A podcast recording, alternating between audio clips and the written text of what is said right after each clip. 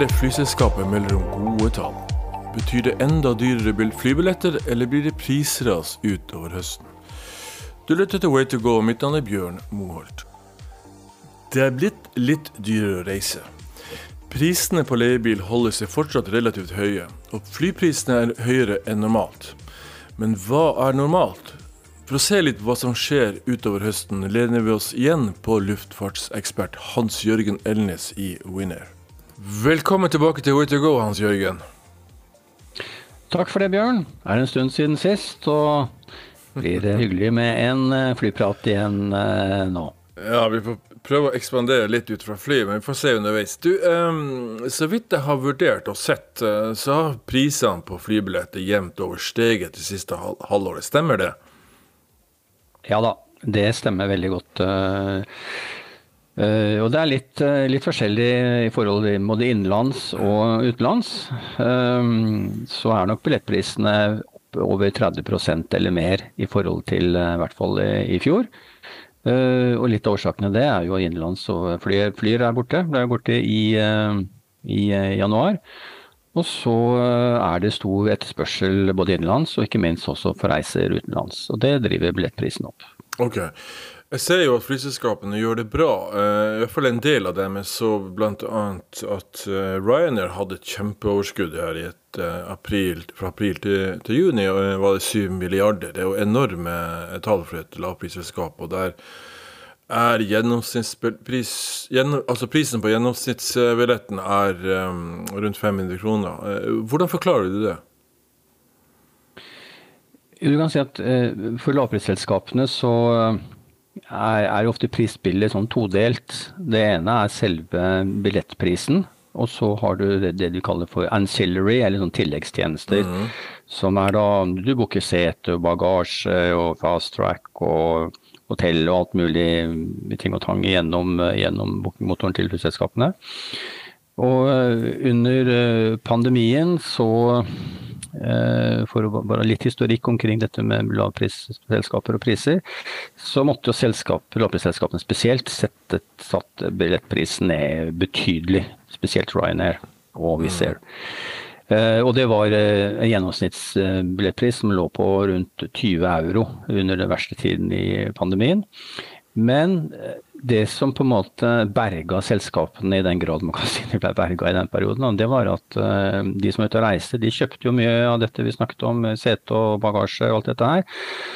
Og da var det faktisk over 50% av den totale kostnaden for dette her, det var altså tilleggstjenester.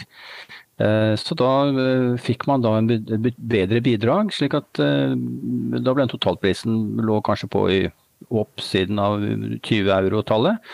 Og nå ligger den på, i hvert fall for Ryanair, som du sier, i over 40-45 euro er snittprisen på enveisbilletter. Og så kommer da denne tilleggstjenestene på toppen av det. Og det gjør da at Ryanair leverer milliard euro overskudd for det siste kvartalet fra april til, til, til juni. Og vi ser også at de, de andre lavprisselskapene, EasyJet og Wizz Air, har betydelig bedre resultater i år enn de har hatt noen gang siden uh, før eh, pandemien slo til, eller til før pandemien slo til. Pandemien slo til. Mm, mm. Men eh, sånn i, i, snitt så skulle du bare tro at, at, trafikken gikk ned, nettopp fordi at prisene har, har steget. Men det har de tydeligvis ikke gjort uh, her.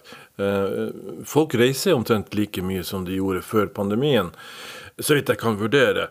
er det denne opp, opp oppdemnede reiselysten som gir seg utslag nå, og vi se en konsekvens av disse prisene litt senere? Det er jo egentlig to ting. Det ene er det du sier, at det er et oppdemmet reisebehov eh, for eh, svært mange. Både de som på sommeren skal reise ha sol og strand og i hvert fall ha ferie, og så er det mange av de som skal besøke venner og familie. Men eh, det, er det ene, at etterspørselen er er snart tilbake igjen på 2019-nivå, og noen steder er den på det allerede. Men det andre er at uh, flyselskapene ikke har den samme kapasiteten ennå, altså i antall seter. Å tilby som de hadde mm. i 2019. Og Dermed så blir det litt si, ubalanse i flyselskapene sin fordel, som gjør at det er høyere etterspørsel enn den kapasiteten, en tilgjengelig kapasitet. Og det er ofte en hoveddriver for at prisene går opp. Og så er det jo greit å ta med et par ting til. Og det er at kostnadene for å drive flyselskap de har også økt. De skal betale mer for drivstoff og vedlikehold og deler og mange nye kollektivavtaler som har gjort at de som jobber i flyselskapene får bedre betalt, både piloter og andre som jobber i lufta på bakken. Og så er det inflasjon som også man må ta hensyn til når man, man øker prisene. Eh, men her hjemme i Norge så er det spesielt konkurransebildet som endra seg. ikke sant? I og med at Flyr ble borte i eh, januar, og de hadde jo ekstremt lave priser gjennom 2022. Eh, og det satte press på, på konkurransen i innenlands i Norge. Ja, og det er, det er interessant, for flyet var jo ikke her så veldig lenge. Og det er jo synd, da. For det var jo, et, som jeg vurderer, et veldig godt uh, produkt. Ser du da at andre flyselskaper kan komme inn i det norske markedet nå? Altså Wizz Air var vel inne der, og, men Ryanair har jo på en måte ikke tatt tak i det norske innenriksmarkedet i særlig grad. Og der ligger det vel en mulighet for dem, uh, gjør ikke det? Og, og da for oss å få litt gunstigere kanskje innenrikspriser. Og så har vi en annen ting, da. At når Norwegian Norwegian har kjøpt opp eh, Widerøe, som også antagelig vil få noe å si på prisene. Kan du si litt om det bildet der? Eh, jeg vet at det er et todelt spørsmål her, men kan du si litt om, om det? Ja, for å ta det, Dette med, konkurranse fra utenlandske selskaper på innenriks i Norge, det, eh, det er komplisert. Og vi så jo det med, med Wizz Air, som prøvde seg her Eh, og det gikk jo veldig dårlig. De var jo her i litt over et halvt år, så pakket de sammen og eh, forlot, eh, forlot innenriksmarkedet. og selv om de tilbød ekstremt lave priser, så, så, ble det altså produktet ingen suksess. Og vi så jo også det samme, ikke helt det samme, altså, men noe tilsvarende med Flyer, da, som brukte litt lengre tid til å på en måte gå ut av markedet. De hadde også veldig lave priser, som burde være av interesse for, for markedene, spesielt oppe i nord, hvor man hele tiden på en måte har høye røster om at det er så mye dyrere å reise fra nord enn det er fra innen Sør-Norge. og det, det, er jo for så vidt riktig. men men Flyr fikk jo ikke noe premie av eh, de markedene i nord for dette her. Det var, eh, selv om de hadde lave priser fra de stedene de fløy til Nord-Norge, så, så, ble ikke flyene fylt opp. Eh, og det er klart at De utenlandske selskapene følger nøye med på, på dette her. og jeg tror det er såpass ærlig å si at SAS og Norwegian er veldig godt satt i det norske markedet. og um, Derfor så tror jeg det at sånn uh, i det korte, mellomlange bildet her, så er det lite sannsynlig at vi får se noen av de store utenlandske, spesielt lappeselskapene, som kaster seg inn i det norske, norske markedet. Ja, det, jeg skjønner Men, det, Ja, unnskyld. Eh, og uh, litt omkring det, det med Norwegian og videre så øh, har det jo vært også, som det normalt er i en sånn øh, Når et stort selskap kjøper opp en, en konkurrent, en innenrikskonkurrent her i Norge, så blir det mye pro og cons omkring det. Men eh, jeg tror som sagt at Norwegian og Widerøe vil utfylle seg bedre enn at det, på en måte, at det blir et enda mer tydelig duopol eh, på konkurransen i, i Norge. Eh, Norwegian betaler jo tross alt over en milliard eh, kroner for, eh, for Widerøe. Og Widerøe har jo heller ikke vært et flyselskap, hvis du ser på et flyselskap isolert, som har hatt noen gode resultater på bunnlinja de siste årene.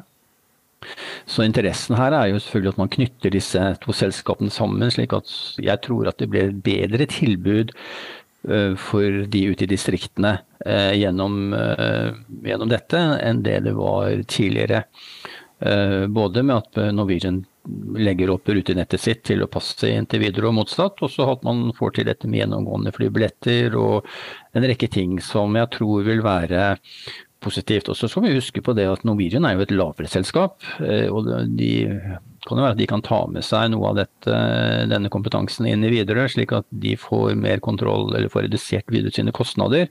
Slik at videre kan bli kan da også uh, få et bra resultat, uh, samtidig som at de kan tilby mer attraktive flybilletter uh, ute i distriktene. Mm.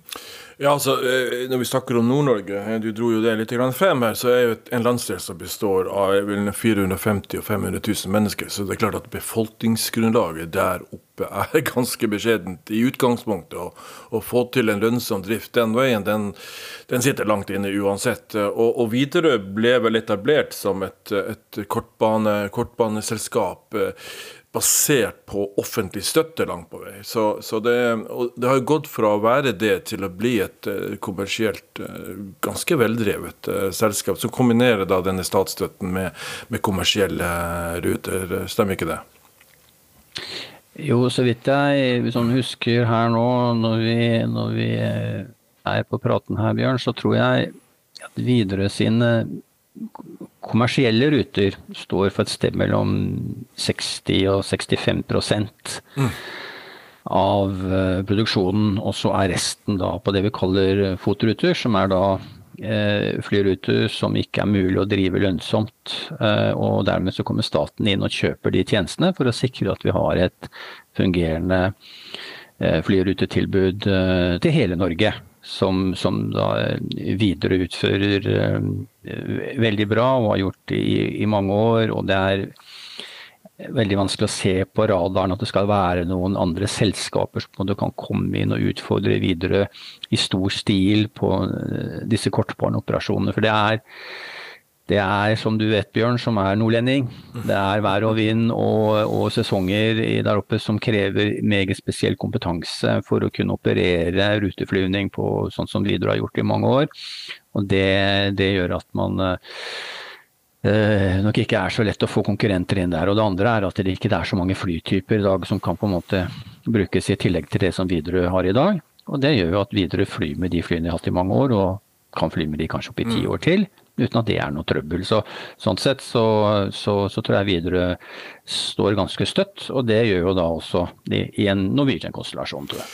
Tror du at overføringen fra staten vil bli enda høyere? Jeg var jo fløy her i Spania ut til eh, de, de minste Kanariøyene her i fjor, og, og eh, da fikk jeg ble fortalt at, at, den spanske staten de, de subsidierer disse, flere av disse flyrutene ganske betydelig. Det var sånn opp mot 75 Og det har jo vært et, eh, en, en, en, kampanje i Nord-Norge for å få ned prisene, og hvor man også har trukket inn andre steder som har den ordningen. Er, er dette noe du ser for deg, eller tror du at den debatten er lagt død nå?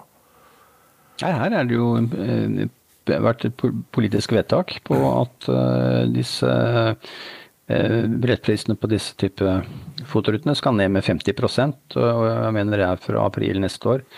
Så, så, her blir det tatt noen grep, og så får vi jo se uh, dette 50% hva det egentlig betyr, mm. slår ut i, i, i, i praksis. Så, så, det betyr at da, da må jo uh, staten da inn med mer eh, finansiering av disse rutene, fordi Widerøe kan jo ikke på en måte redusere sin kostnad på dette her, så blir det staten som må ta dette, den utgiften. Og så får vi jo håpe at det blir så bra at eh, det, det kommer de som bor ute i distriktene til, til gode, og, og, at man da kan på en måte utvikle fotnettet enda bedre. Uh, og det er, det er, mange ting omkring dette FOT-rutenettet, Bjørn, men jeg tror nesten du trenger en egen podkast for å diskutere for å snakke om det. Men, men, for det er mange begrensninger som gjør at man uh, ikke kan koble opp gjennomgående billetter og en del sånne ting på, uh, på dette her. og det, det er nok reguleringer som, som, på en måte ligger i, i, i, i dette systemet. Men, men, at prisene kommer til å gå ned, det, det tror jeg vi skal være ganske sikre på. Mm.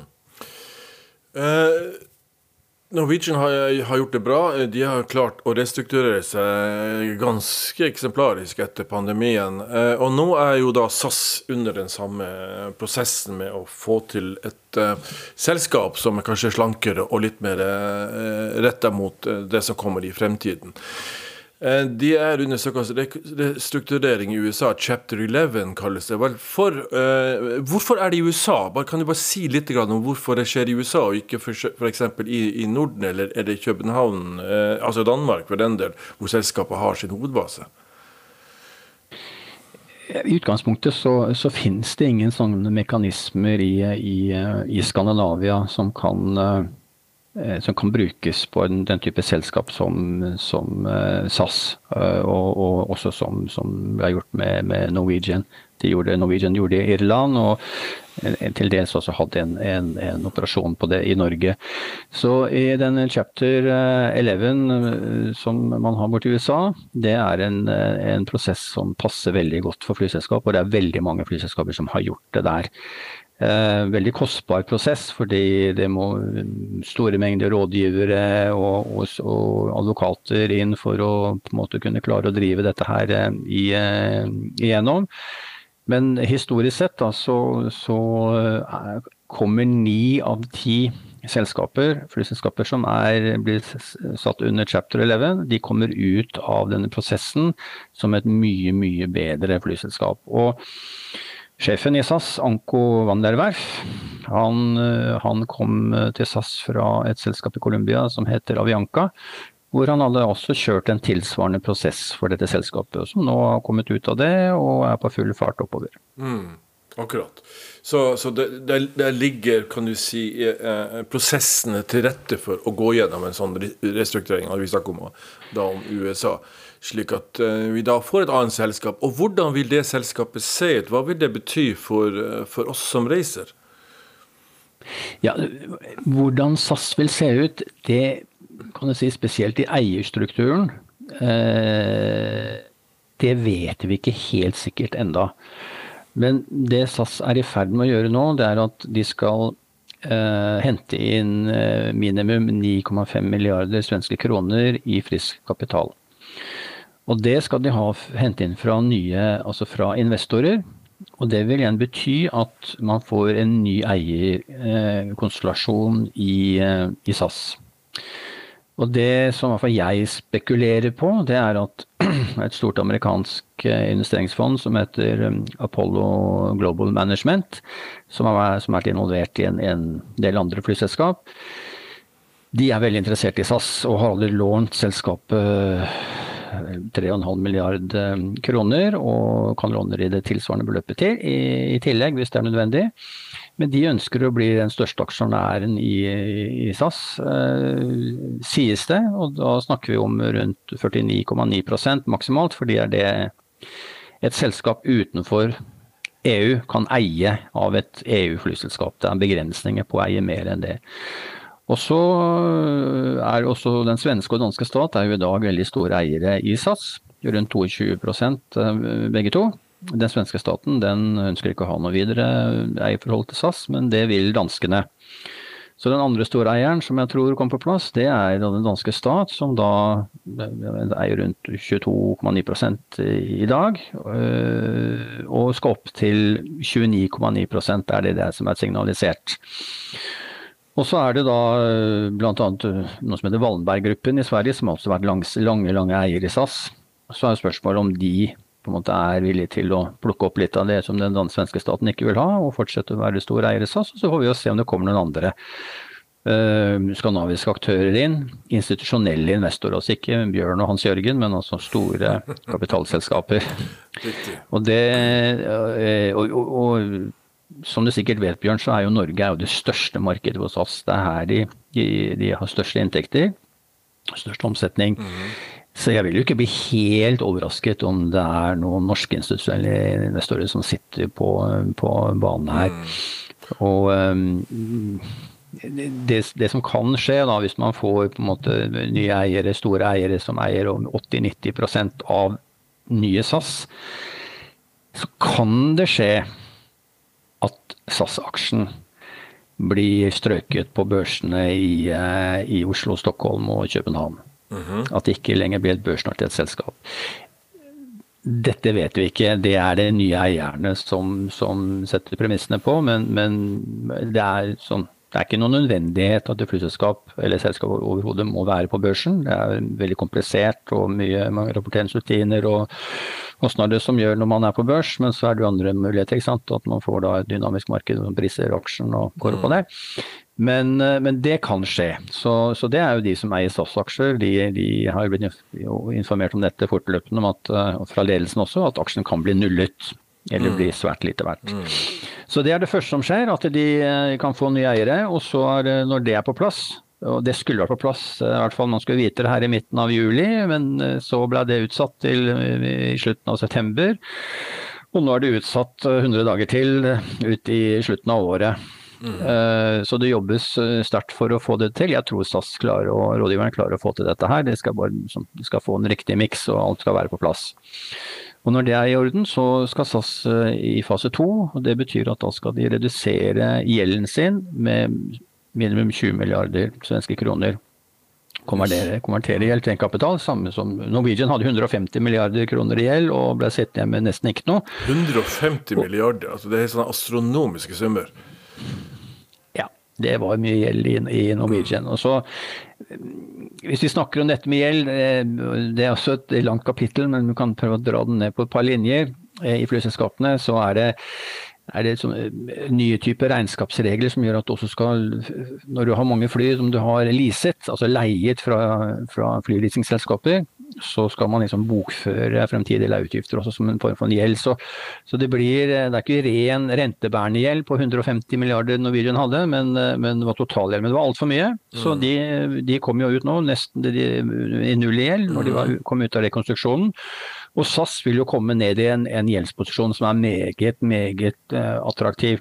Og dette gjør jo da at kostnadene til SAS Eh, blir lavere, og så slanker det selskapet gjør det mye mer effektivt. Og en gjør en masse grep som gjør at SAS skal da bli, nye SAS skal bli et mye mer konkurransedyktig selskap. For det, vel, det, det, blir vel en del av premissene også for de som på en måte går inn for dette, her, at de er nødt til ja. å gjøre sin jobb på, med å slanke ja. selskapet?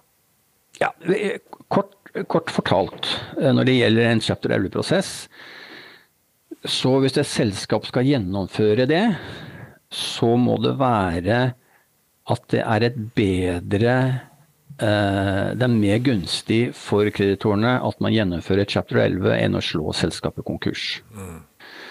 Så du kan si at chapter 11 er på en måte at ja, man er sånn de facto på en måte i en konkurs, men at det er bedre å prøve å rekonstruere selskapet gjennom dette her, enn at selskapet slås konkurs og liksom kommer inn i den posisjonen for, for kreditorene. Så det er det denne denne chapter 11-dommeren borte i New York sitter og vurderer hver gang og man, man liksom ser gjennom hvordan utviklingen går. Det, går det rette veien? og er dette bedre for eh, de grepene som gjøres, er det bedre for kreditorene at man gjør det på den måten her, enn om at eh, man avslutter det ikke sant. Så, mm. men som sagt, ni av ti flyselskaper de kommer gjennom dette her på en, på en grei måte, og det er ingen grunn til å tro at, uh, at SAS uh, på en måte skal falle i feil kurv her. Jeg tror SAS kommer, kommer ut av dette, her, men det tar den tiden det trenger. og vi snakker vel tidlig ut i 2024 før SAS på en måte er, på plass her nå. Jeg skjønner. Du, I, i, flere, i et par tiår så har det vært snakk om at Lufthansa uh, skulle komme inn som, som mulig eier. Er, på,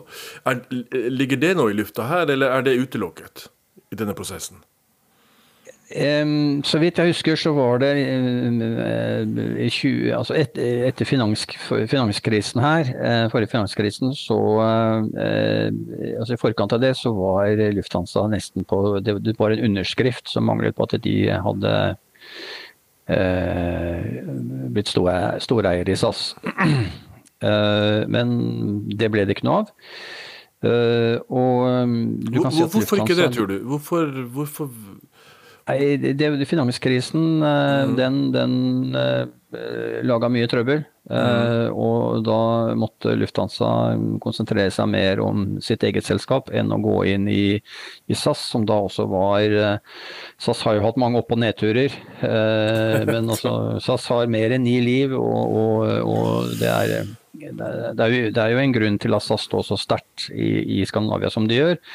Men, men som sagt nå får vi håpe at det de gjør nå, er liksom end of the line når det gjelder dette med rekonstruksjoner og omorganisering og effektivisering og alt dette her greiene. At SAS nå endelig kommer på plass og liksom kan fortsette fremover som et bærekraftig, konkurransedyktig og så bra selskap som, som, som det er. Men, men, men som sagt, Lufthansa nå de, de, har jo akkurat kjøpt seg stort inn i et selskap som heter ITA. Mm. Som uh, minner veldig mye om Alitalia, og det er jo Det er vel Alitalia, er det ikke det? Ja, ja det er, Alitalia forsvant, og så dukket ITA opp med alt mm. som, som så helt som en copy-paste av det. Uh, og, og, det er fordi at Lufthansa de, uh, de trenger nye markeder.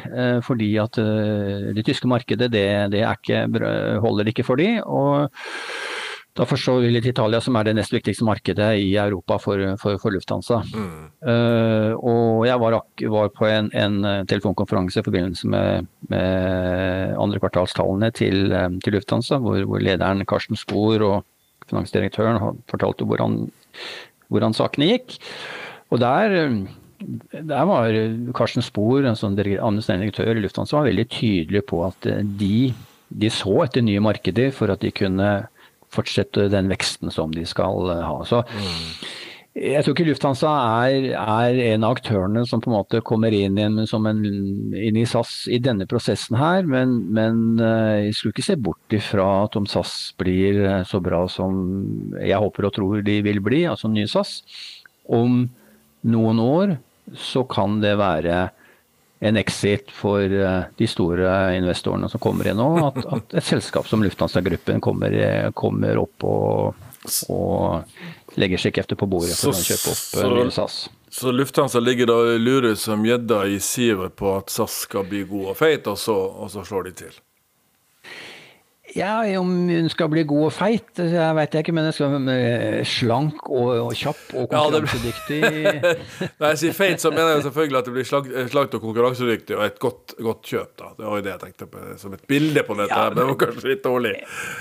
Ja, eh, så, så eh, denne prosessen må nok da den må bli ferdig, og så må man se litt på hvordan Sats utvikler seg. og konkurransesituasjonen i Skandinavia, ikke sant? hvor du mm. har et veldig sterkt eh, Norwegian som, eh, som uh, virkelig er, har, har, alle virkemidlene som skal til for å bli enda sterkere. Og så har vi jo et Finnair som må tenke nytt, fordi Russland er jo stengt for de mm. overflygninger til Asia. og Det kan jo kanskje bli stengt til evig tid, sånn i, i, i lufthavn, luft, luftfartterminologi i hvert fall.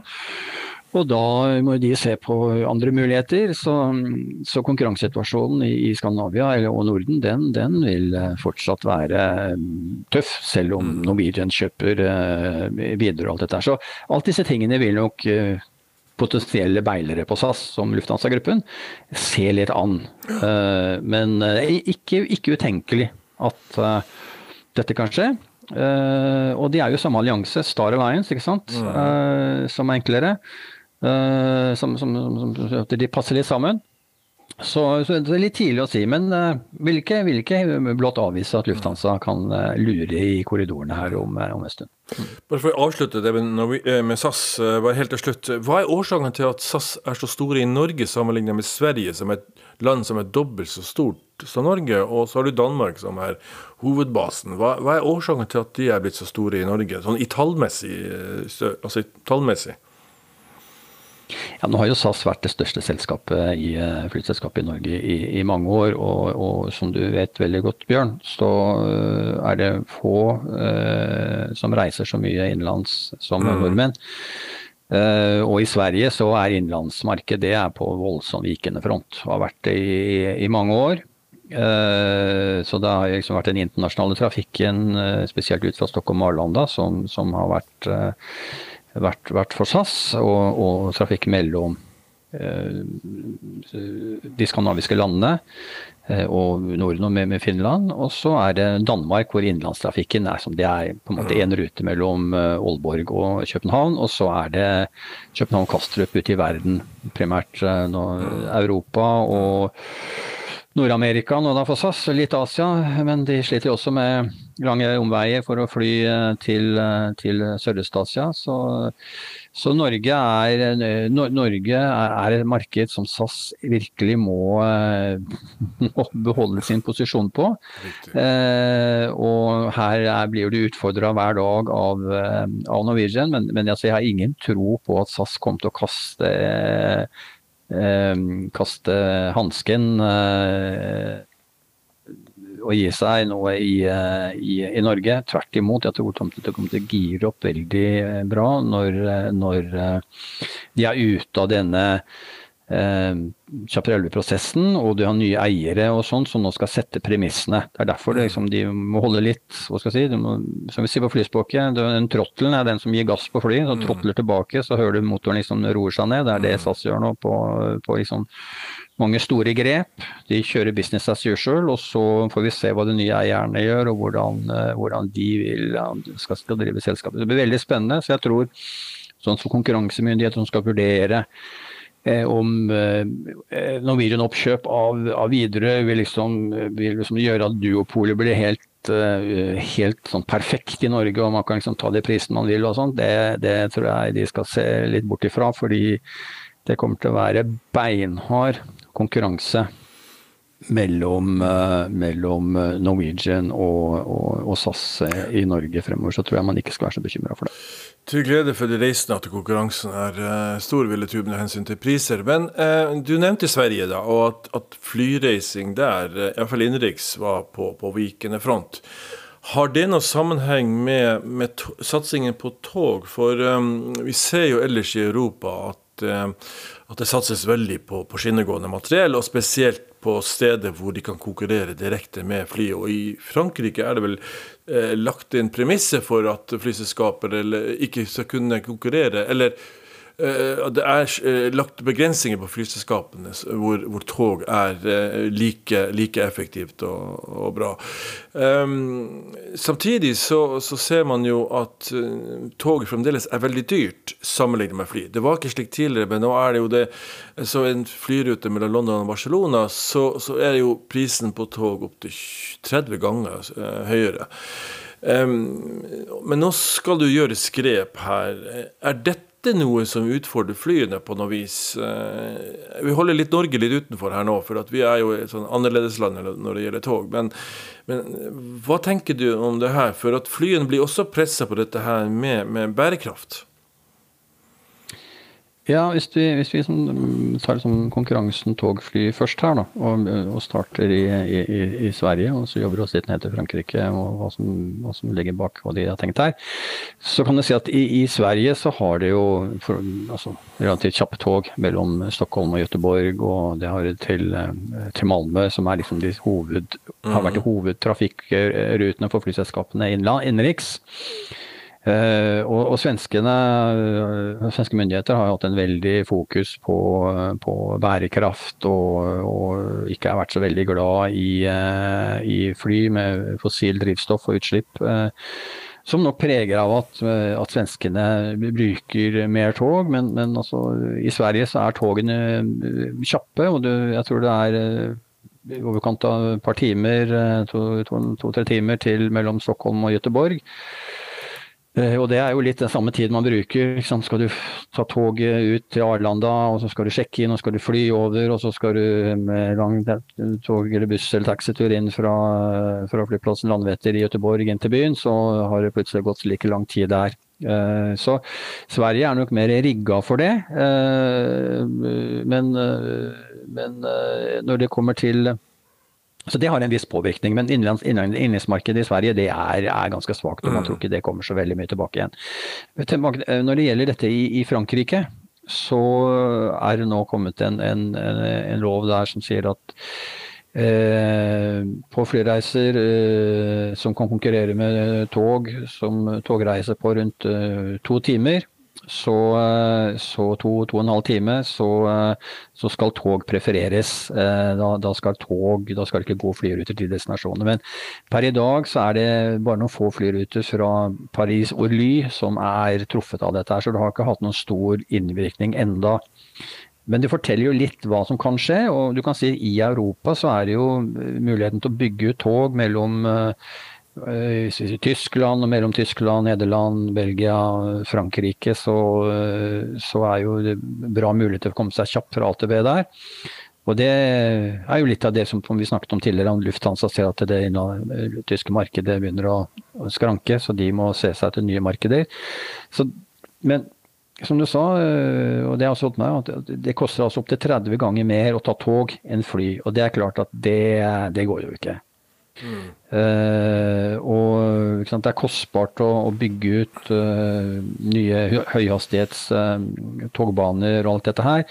Så når det gjelder sånn frem, fremtidens mobilitet, som du sikkert følger litt med på, så er det veldig mye som skjer der. Eh, med merkelige, rare sånne store dronefarkoster og mm. elektriske fly og alt mulig sånne ting som, eh, som kommer, og som igjen er liksom en podkast vi, vi, trenger for, ja, vi prate om det. Vi må, ta, så, vi må nesten ta det en annen gang, helt enig i det. Mm. Men ja, bare sånn helt så, kort. Så, men i hvert, ja, i hvert fall, så jeg, jeg, vil jo si det sånn at eh, det er ikke noe tvil om at uh, dette med å reise miljø så, hvor man sparer miljøet med utslipp mest, mest mulig, det, det, det, har tatt seg opp. Og, og toget er eh, noe som mange bruker for det. Men som sagt, eh, de får jo den motvinden at det er eh, veldig dyrt mm. og ikke godt nok utbygd ennå. Og, og Spesielt her fra Norge så er det jo kronglete å komme seg nedover eh, til, til Europa. Men, men, det jobbes jo med løsninger der med, med samarbeid og hvordan man kan booke billetter og, og ja. Ja da, det, og, det ja, og tyskerne har jo hatt kampanje for, for lavere priser på, på, på, på tog, og, og, det er veldig mye spennende som eh, skjer der. I hvilken grad tror du at dette vil påvirke flyprisene? Fordi at eh, nettopp den, den diskrepansen mellom fly og tog her, som vi så eksempelvis i, mellom London og Barcelona, det, det avstedkommer jo noe, noen reaksjoner, vil jeg tro. Og i hvilken grad tror du fly da blir straffet? Noen mener jo at flyene blir skattet altfor lite, f.eks. For i forhold til tog osv. Så, videre, og så, videre. så tror du dette her summa summarum vil påvirke flyprisene fremover, og flytrafikken generelt sett? Jeg, jeg, tror sånn som det, det, skal mye til før, vi, før, eh, før eh, prisene for å reise med tog i hvert fall langt eh, kommer i nærheten av hva, hva det koster å, å, å, fly. Nei, men jeg tenker jo at flyprisene blir høyere, da. For det, det er jo det prefererte ja, reisemåten. hvert fall for oss nordmenn, at det vil påvirke også oss nordmenn i, i stor grad når vi skal reise ut av landet. Altså, det, som, det som hvis vi ser bort fra disse kostnadene som flyselskapene har, og alt det her med drivstoff og, som, og ting som er måte man ikke alltid kan kontrollere, men det vi vet, da, er at, at uh, utslipp fra CO2-utslipp fra, uh, fra, fly uh, Når du slipper ut et tonn CO2 nå i Europa, så koster det ca. 100 euro per tonn. Mm -hmm. Uh, og så er det en del mekanismer, en avtale som, uh, som gjør f.eks. at selskaper som, som, SAS og Norwegian som, og British Airways og Lufthansa og KLM, for å nevne noen av de alle kjenner, de har jo fløyet og operert i mange, mange år. Og i dette European Trading eh, Scheme, som er en sånn utslipps, uh, utslippsregulativ, uh, så, så, har de tatt med seg historiske rettigheter som gjør at de ikke betaler for alt det du slipper ut, og har masse insentivordninger for det. Alt dette her bortfaller i 2025. Mm. I 2025 så blir det likt for uh, Bjørn Air, om du skulle starte flyselskap eh, i 2025, og SAS og Lufthansa og eh, Norwegian og videre. Det er ikke noe forskjell på hva du betaler i utslipp. Da betaler du for de utslippene du faktisk gjør.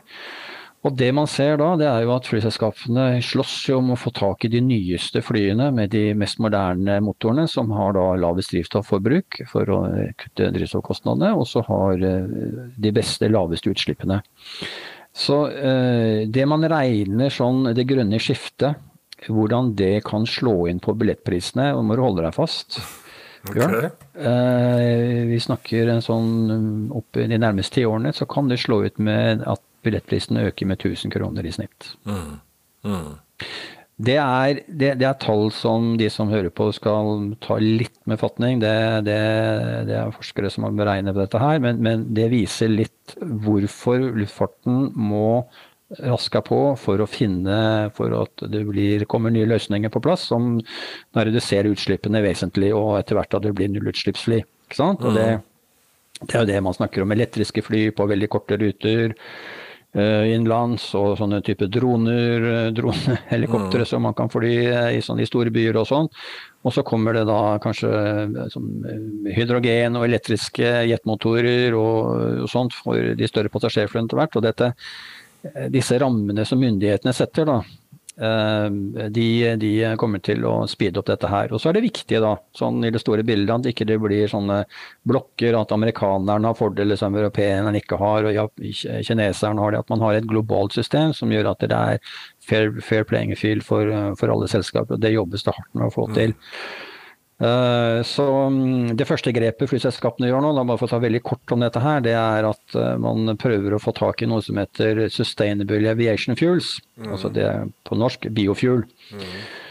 Og i dag så kan en, en moderne jetmotor som SAS og Norwegian-flyene har, den kan fly med en blanding med 50% vanlig jetfuel og 50% med sånn biofuel. Helt uten noe problem. Det er ikke noe risiko i det hele tatt.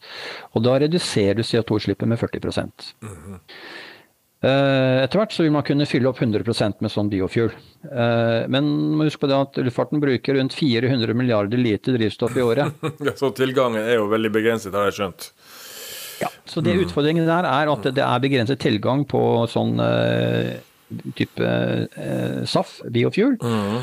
Og den koster da tre-fire-fem ganger mer per liter enn det det gjør for fossil drivstoff som, som flyene går på i stor grad i dag. Mm, mm. Men sånn som, eh, bare for å ta eksempel, da, eh, Norwegian vant jo nå forsvarskontrakten her i de neste fire årene. Eh, og der var 30% av de vektingen da, av anbudet som flyselskapet måtte gi inn, det, det var basert på bærekraft. Nettopp. Så det er, det er, noe som alle må forholde seg til, og luftfarten har ingen mulighet enn til å gjøre det. Uh, så, så jeg, jeg, er positiv. Jeg tror at man når de, de, de, de, målene. Men at det blir dyrere å fly, ja, det tror jeg vi skal regne med. Var det på SAF uh, SAS tapte for Norwegian, tror du?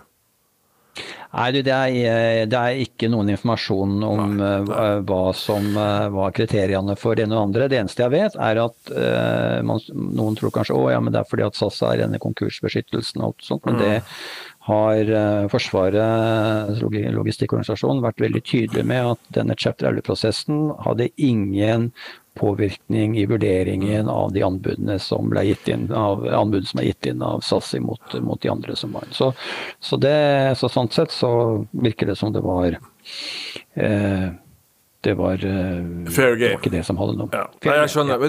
Eh, vi, vi, skal, jeg skal ikke oppholde så veldig mye lenger. Det nærmer seg helg nå, eh, Hans Jørgen. Men jeg tenker jeg skulle bare avslutte litt med, med, med denne sommeren her, som har vært jeg vet ikke om det er så normalt, men den har vel ikke vært så ille. Og vi ser jo at flyselskapene har, har kapitalisert på det. Men hva ser du for deg vil skje utover i høsten nå? Mange har jo feriert i Norge denne sommeren også, og så har jo kanskje været ikke vært uh, all verden i sør, i hvert fall. I Nord-Norge har den vært fantastisk uh, i perioder. Uh, vil vi se en vekst nå i trafikken utover høsten? og hvordan vil prisbildet se ut, ser du for deg?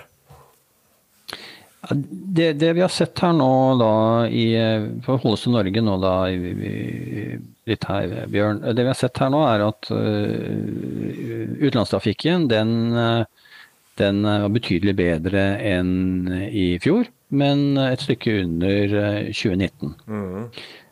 Og den toppet seg opp da sant, i forhold til hvordan nordmenn reiser på ferie, og utlendinger da sin ferietid. Det er mange utlendinger som har kommet til Norge i sommer. Men innenlands så ser vi det at det, i sommer så har det toucha 2019-nivå. Mm. Eh, og, og, det jeg tror eh, fremover i høst, er at innenlandstrafikken vil fortsette å holde seg eh, sterk. Eh, og mens utenlandstrafikken er jeg ganske usikker på. Mm. Eh, og jeg tror at det kan bli litt sorgens kapittel. Eh, og da vil det mest sannsynlig blir gjort noen grep av flyselskapene, både SAS og Norwegian og de utenlandske, ved at man da kjører på med hyggelige priser for å stimulere til mer etterspørsel. Og så får vi jo se eh, hvordan dette blir. Det er jo Uh, rentemøte neste torsdag, og mm. se hvordan det går. Blir det en dobbeltrenteheving der, så, så, setter det en støkk i folk eh, fremover. Blir det ikke, så er det positivt. Så det, men jeg tror nok vi, det er det bildet, Bjørn. Det er ja. innenlands, mm. ja. Det tror jeg, der tror jeg det kommer til å rulle og gå ganske bra. Utenlands der er det litt usikkert. Ja, det er en del faktorer som vil styre det. Men det, ligger, det kan ligge an til, til gode priser på på, på, turer ut i Europa i, på høsten. Du, eh, eh hva, eh, hva neste, hvor går de neste reise? Ja, det går eh, ja, Først neste uke så blir det en reise ned til Arendalsuka. Den går ikke med fly, den går med bil. Men okay. etter det så blir det en tur til Edinburgh her i, tidlig i, i september. Da skal jeg eh, lære mer om, eh, være med på et seminar, eh, en konferanse omkring ny teknologi for, mm. for luftfart, for motorer. Hydrogen, fuelceller og, og utslippsfrie jetturbiner, som, som er veldig interessant. Og eh, det er noe vi kunne tatt en mer prat om ja, på, i, på en ny, om sånn litt moderne teknologi. Det er mye, veldig mye spennende som, som, skjer der. Det må vi gjøre. Og, så må du ta tid til å se litt av Skottland. Skottland er synes jeg, et fantastisk sted å være, og spesielt på høsten, vil jeg påstå. Jeg har vært og fisket der av alle ting. På de, eh, på de, skotske, de skotske høylandene. og Det er en, en, fenomenal opplevelse. Og så har du med deg en liten lerke, da, selvfølgelig, med noe godt i. ja, ja, ja. Nei, det, det, det, det, det er jeg misunner deg at, du har, at du har fått det. Og det, det skal jeg gjøre ja. en gang. Denne gangen her så blir det nok mest utforskning i, i, i gatene i, i, i Edinburgh, og, og mye, mye, spennende teknologi eh, å få høre omkring. Så, eh, men anyway, Skottland er alltid et, et hyggelig sted, og nordmenn vi er tatt godt vare på når vi er der. Hans Jørgen Elnes i Winner, tusen takk for at du igjen stilte i Way to go. Og eh, det ligger an til at vi skal snakkes om ikke altfor lenge igjen. Takk for det, Bjørn. Da snakkes vi neste gang, og riktig god helg.